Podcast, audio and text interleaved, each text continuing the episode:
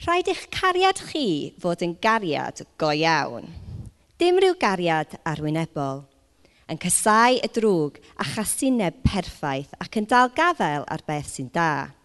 Byddwch y ddifri yn eich gofal am eich gilydd a dangos parch at, e at eich gilydd. Peidiwch byth a gadael eich brydedd oeri, ond bod ar dan yn gweithio i'r arglwydd yn nerth yr ysbryd glân. Byddwch yn llawen wrth feddwl am y cwbl sydd gan ddew ar eich cyfer chi. Byddwch yn amyneddgar tra da chi'n dioddef a daliwch ati i weddio.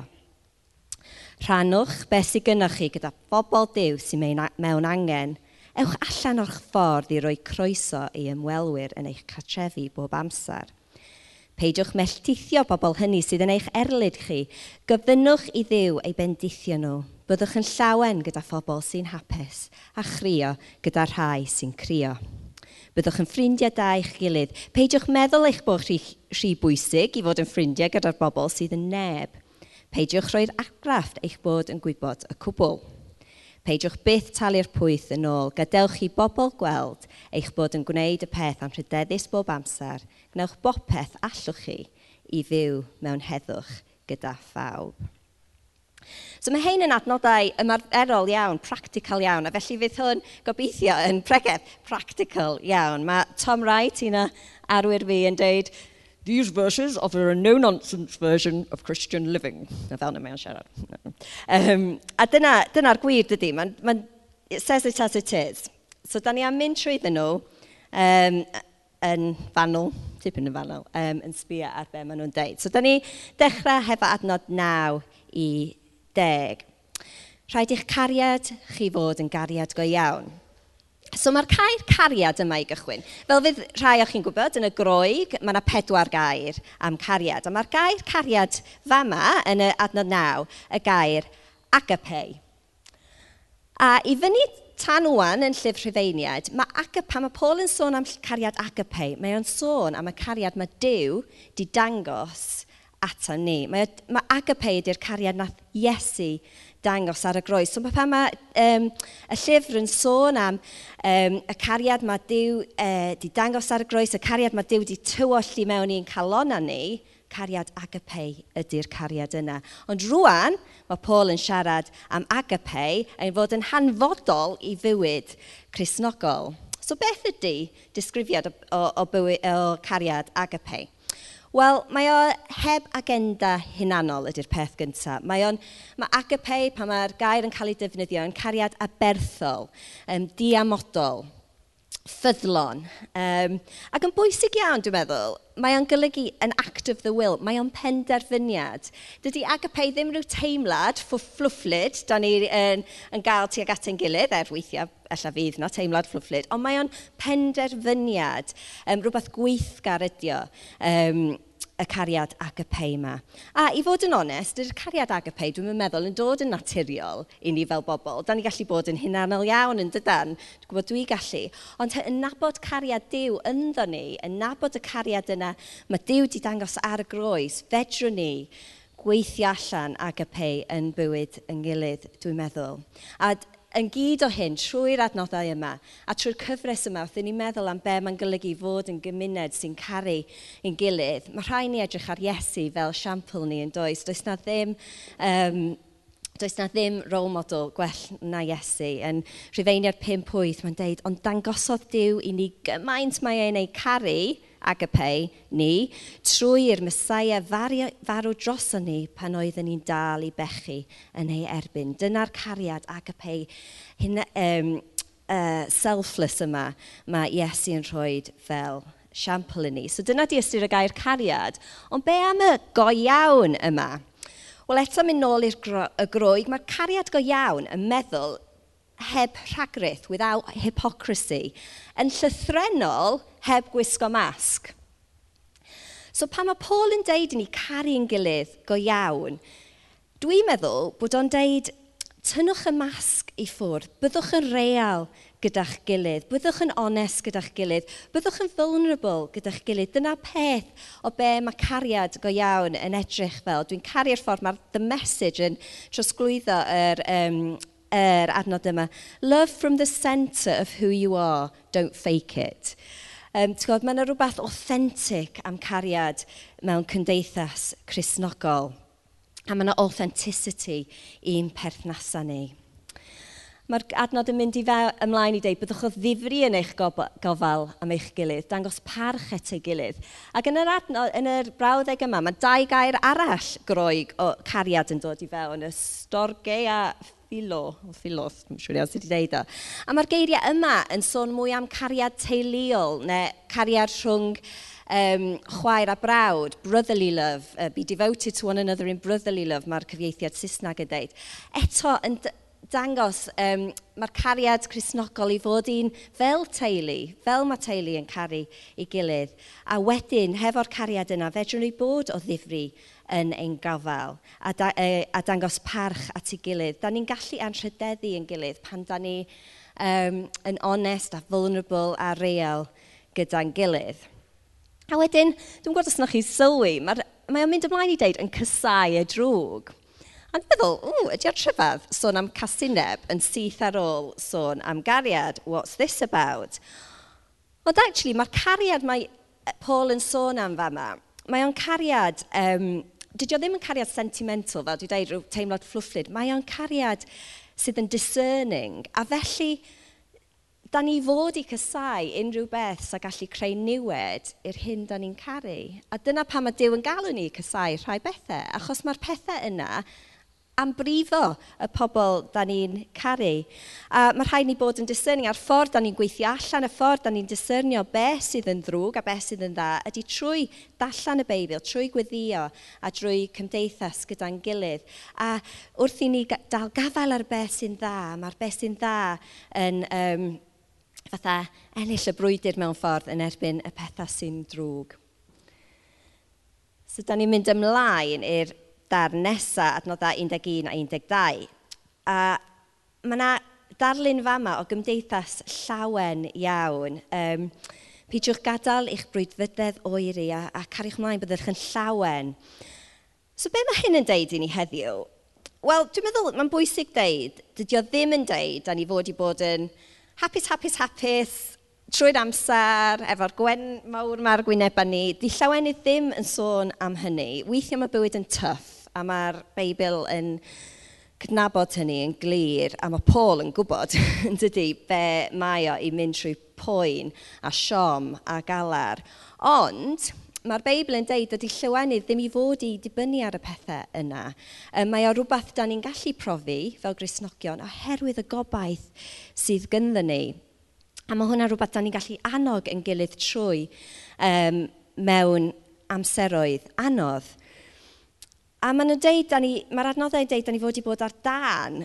Wel, sut da ni'n neud hynny? Mae yna um, darlun sy'n cael ei defnyddio lot, dwi'n meddwl, o tân, lle mae gyd, lot o glo ar tân efo'i gilydd. A mae, mae un darn o lo yn, yn disgyn i ffwrdd. Mae'n hawdd iawn i hwnna llosgu allan y fion, ond hefo'n gilydd mewn tân mawr, da ni'n gallu cadw ymlaen i, i llosgu a bod um, cadw ymlaen i, i jyst i gweithio dros yr arglwydd. Ond hefyd dwi'n meddwl bod na rybydd yn yr adnoddau yma i ni ddim cael burnout. Da ni fod i fod ar dan, ond da ni ddim i fod i llosgu allan.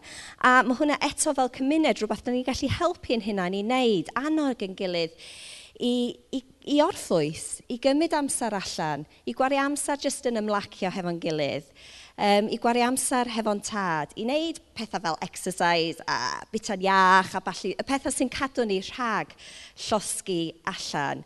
Um, a mae rhywbeth hwnna rhywbeth fel cymuned um, da ni angen wneud. Mae'n deud daliwch ati i weddi mae hwnna yn golygu ar ben yn hunan a mewn gymdeithas. E, da ni'n gweddio dros yn gilydd, da ni'n gweddio fydden ni'n gallu cario ymlaen i fod ar dan i'r arglwydd. A jyst i roi plug sydyn i'r grwpiau cymuned sy'n sy digwydd yn ystod yr wythnos. Mae hwn yn lle lle da ni'n gallu gweddi am yn gilydd, annog yn gilydd, um, helpu yn gilydd i gadw ar dan. Felly, os da chi ddim yn rhan o grŵp, dwi'n annog chi i, i feddwl am, am ymuno.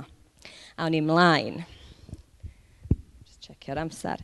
Rhannwch beth sydd gynnwch chi gyda phobl diw sy'n mewn angen. Ewch allan o'ch ffordd i roi croeso i ymwelwyr yn eich catraf, a yn eich cartrefi bob amser. Mae hein, mae'r adnoddau yma'n basically yn glir iawn dydy, dim llawer dwi angen ddeud um, i gliro nhw. Ond da ni'n fod i bod yn pobl sy'n hael gyda'n arian ni, gyda'n eiddo ni, gyda'n amser ni, gyda'n catrefi ni. Be mae hwn yn golygu i ni? Be mae'n golygu i fi? A pa ffyrdd da ni medru dod ar a'r adnodd yma i, i, fyw, i fyw um, mwy a mwy yn yr, um, yn yr eglwys yma. Jyst i rhoi un enghraifft ddoth i meddwl fi tra oedden ni'n paratoi hyn. Um, rhai blynyddoedd yn ôl, jyst ar ôl i ni briodi, nathon ni penderfynu oedd o'r peth iawn i Martin mynd i studio diwynyddiaeth yn London School of Theology. Ac oedd hwn yn cam mawr i ni yn ariannol, oedd yn golygu sa'n ni mynd i jyst dibynnu ar um, a'r cyflog fi, a hefyd oedd yna ffis Italia talu a falle, oedden ni byw yn Llundain. Ond oedden ni teimlo dyma oedd Dyw eisiau ni wneud. Um, ac ar ôl i ni wneud y penderfyniad, oedden ni wedi rhannu fo hefo um, teulu capel. nath ni dod adra i'n noson a ffeindio amlen mawr wedi dod trwy'r post, um, hand delivered lly. A agor a, a tu fewn, ar, ar amlen, oedd, dwi'n cofio'r geiriau iawn, rhywbeth fel... Um, with loving Christ, neu rhywbeth ond oedd yn glir oedd o o rwy'n oedd yn Grisian. Ac o'r oedd na 600 pint o cash ynddo fo. A jyst rwy'n eisiau bendithio ni yn ariannol achos oedden ni am wneud yr aberth ariannol yma. Da ni dal ddim yn gwybod pwy na throi y pres na. Oedd nhw'n eisiau ni gwybod, oedd nhw eisiau'r clod mynd i ddew. Ond am siampl o heilioni, a nawr dwi ddim yn aglu... awgrymu da ni gyd am dechrau rhoi chwef cam fyd i'r gilydd, ella, ella fydd na galwad. Ond, um, diwod, sut da ni gallu bod yn hael? A weithiau, da ni ddim yn... Na ni yn neud pethau'n anonymous, i dew, dew cael y clod um, amdan y peth. Sut da ni gallu agor ein catrefi ni mwy a mwy i'n gilydd ac i bobl tu allan i'r eglwys. Mynd allan o'n ffordd ni i wneud hynny. Awn ni ymlaen. Peidiwch melltithio pobl hynny sydd yn eich erlyd chi. Gofynnwch chi dew ein bendithio nhw. Nath hwn taro fi chydig bach yn od wrth i fi studio'r um, adnodd yma yn ystod yr wythnos, achos mae, dwi'n meddwl bod Paul yn trwy rwan i edrych tu allan i'r eglwys, jyst am chydig, a wedyn mae'n dod nôl at y perthnasau. Ond ella bod, you know, ella da ni'n mynd gweld pobl yn cael ei erlyd yn yr eglwys, dwi'n gobeithio da ni ddim, ond da ni yn, mi, mi fydd yna sefyllfa lle da ni angen maddau yn gilydd. Mae fydd na um, sefyllfa lle da, mae rwy'n yn cael ei brifo gan rwy'n tu fewn um, yr eglwys. Ond gyda perthnasau ni tu fewn a tu allan, da ni fod i bod eto fel Iesu. A dyma... Um, Dyma'r geiriau, sori, di hwnna ddim yn glir iawn, pan oedd Iesu ar y groes a, a, a'r milwyr yn gamblo i, i gael ei dillad o a, a arglwydd y byd, yn marw, y marwolaeth mwyaf ofnadwy, y mwyaf boenus. A mae Iesu yn deud, dad, madda iddyn nhw. Wow, mae mor werus dydy. Ond dyna di'r enghraifft, dyna da ni fod i bod yn bobl sydd yn gyflym i, i madda. Cymdeithas sy'n rhannu bywyd byddwch yn llawen gyda phobl sy'n hapus a crio gyda rhai sy'n crio. Mae adnod yma yn un sydd yn agos iawn i'n calon ni a ddoth hwn yn, yn fyw i ni um, chwe mlynedd ish yn ôl. Fel mae rhai o'ch chi'n gwybod, nathon ni symud i Gynarfon chwe mlynedd yn ôl. Ac um, o'n i'n feichiog ar y pryd hefo ein ail plentyn. Ac yn fian ar ôl uh, symud i'r gogledd, nathon ni cael sgan oedd yn dangos oedd pethau ddim yn edrych yn dda yn y feichogrwydd ac nathon ni cael ei trosglwyddo draw i uh, Liverpool Women's Hospital, lot o teithiau nôl amlaen i Lerpwl i cael sganiau a falle. A, a rhai wythnosau wedyn i fewn i'r feichogrwydd, uh, nathon ni cael y newyddion bod oedd y doctoriad meddwl oedd gen plentyn ni Edward syndrome, cyflwr sydd yn meddygol yn incompatible with life, maen nhw'n deud. A yna mynd trwy feichogrwydd anodd iawn, yn gweddio am wyrth, ond yn gwybod os oedd Dyw ddim yn neud gwyrth, fysa'n babi ni yn marw. A gath Nathaniel i enni mis Mawrth 2013, ond fe farwedd, fe farwedd o yn fian ar ôl cael ei, ei geni. A dwi'n deud hyn oherwydd oedd Dyw mor dda i ni yn y gyfnod yna. A un o'r ffyrdd oedd Dyw mor dda i ni oedd drwy gymuned eglwys, drwy gymuned o grisnogion. A dyma'r geiriau, rhai o'r geiriau, nath Martin a fi darllen yn angladd. Nathaniel, We have seen the body of Christ, sef yr eglwys, function in the most beautiful way – As Christians, some of whom we have known for many years, others whom we've got to know over these last six months, have drawn alongside us and loved us and encouraged us. Thank you for wrestling with us in prayer, for journeying alongside us over the months, for listening to us, crying with us, hoping with us, and grieving with us. A dyna oedd profiad ni yn ystod y feichogrwydd a'r misoedd anodd na ar ôl lle oedden ni'n cerdded trwy galar a, a siom a poen. Oedd Cresnogion yn camu fewn i'r poen yna gyda ni. Dim jyst cyd ymdeimlo, camu fewn, teithio gyda ni. Weithiodd y cariad yna yn ymarferol iawn. Rwy'n yn troi fyny efo pryd o fwyd, di coginio. Rwy'n yn troi fyny efo bagia o, o rhywbeth i ni. Neu rwy'n yn mynd â ludiau am y pnawn i rhoi'r brec i ni. Weithiau galwad ffôn hefo gair, uh, o sgrythyr, cerdyn, text, beth bynnag. Oedd yn edrych yn wahanol um, ar gwahanol dyddiau, ond dyna oedd yn profiad ni o pobl wir yn galaru a cerdded gyda ni. A oedd hwnna'n anogaeth enfawr i ni, a fel di deud, un o'r ffyrdd oedd Dyw yn dangos ei dioni tuag atyn ni. Ond oedd yr adnod yma'n bwysig ni, i ni hefyd yn y cyfnod yna, am y geiriau gyntaf, um, byddwch yn llawen gyda'r phobl sy'n hapus. A nath Dyw rhoi'r yr adnod yna i ni. A'r calonau ni'n dechrau'r feichogrwydd.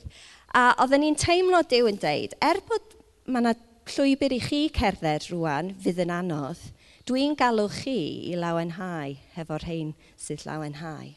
Oherwydd yr adnod yma, oherwydd Dyw yn cael onna ni, oeddwn ni wir gallu llawenhau efo pobl yn y cyfnod yno oedd yn cael babis, oedd yn cael feichogrwydd um, iach oherwydd oedd yr adnod yna jyst mor gwir i ni. A dwi'n cofio chwaer Martin, sydd ddim yn Gristion, yn rhannu hefo hi, yn ei dagra hi, bod hi'n disgwyl babi um, dolyg cyn i Nathaniel cael ei geni. Oedd e, oh, I'm so worried about telling you.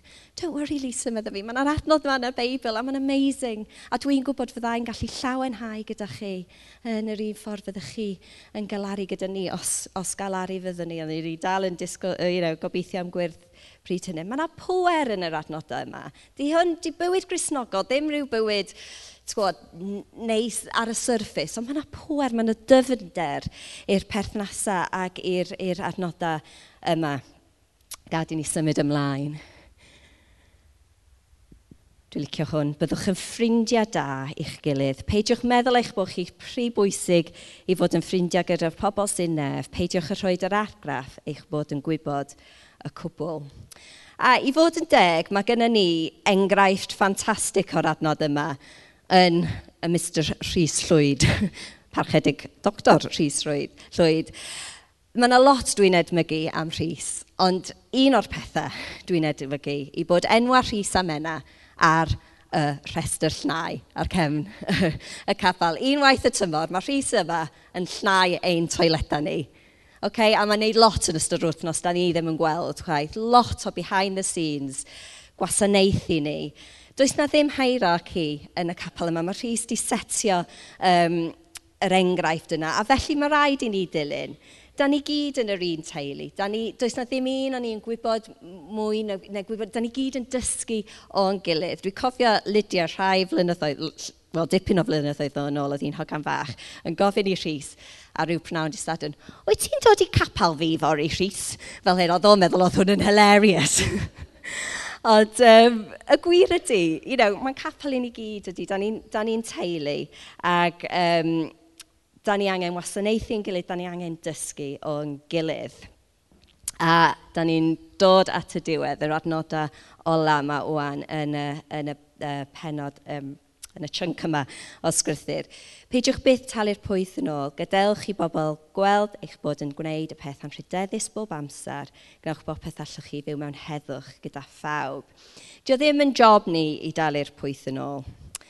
Job ni, galwad ni, ydy i maddau, i garu ein gilydd Dwi'n meddwl, eto mae'r frawddeg, gwneud y peth antrydedus bob amser. Mae Paul yn gofalus iawn, mae o isio ein bywyda ni, ein cariad ni at ein gilydd, bod yn um, above reproach. Mae, da ni fod i setio siampl mor dda um, o sut mae byw, oherwydd er mwyn rhoi clod i ddew. Dwi yn caru Iowan 13 uh, 35. Dyma sut y bydd pawb yn gwybod eich bod chi'n ddilynwyr i mi am eich bod chi'n caru eich gilydd. Mae yna ma, ma aspect um, um, missional gair, um, iawn yn hyn, yn y ffordd da ni'n caru yn gilydd, yn y ffordd da ni'n byw, mae o'n gallu bod yn attractif iawn i bobl tu allan i'r eglwys a gallu pwyntio nhw at um, gwraidd y gariad yma, sef, sef Iesu Grist.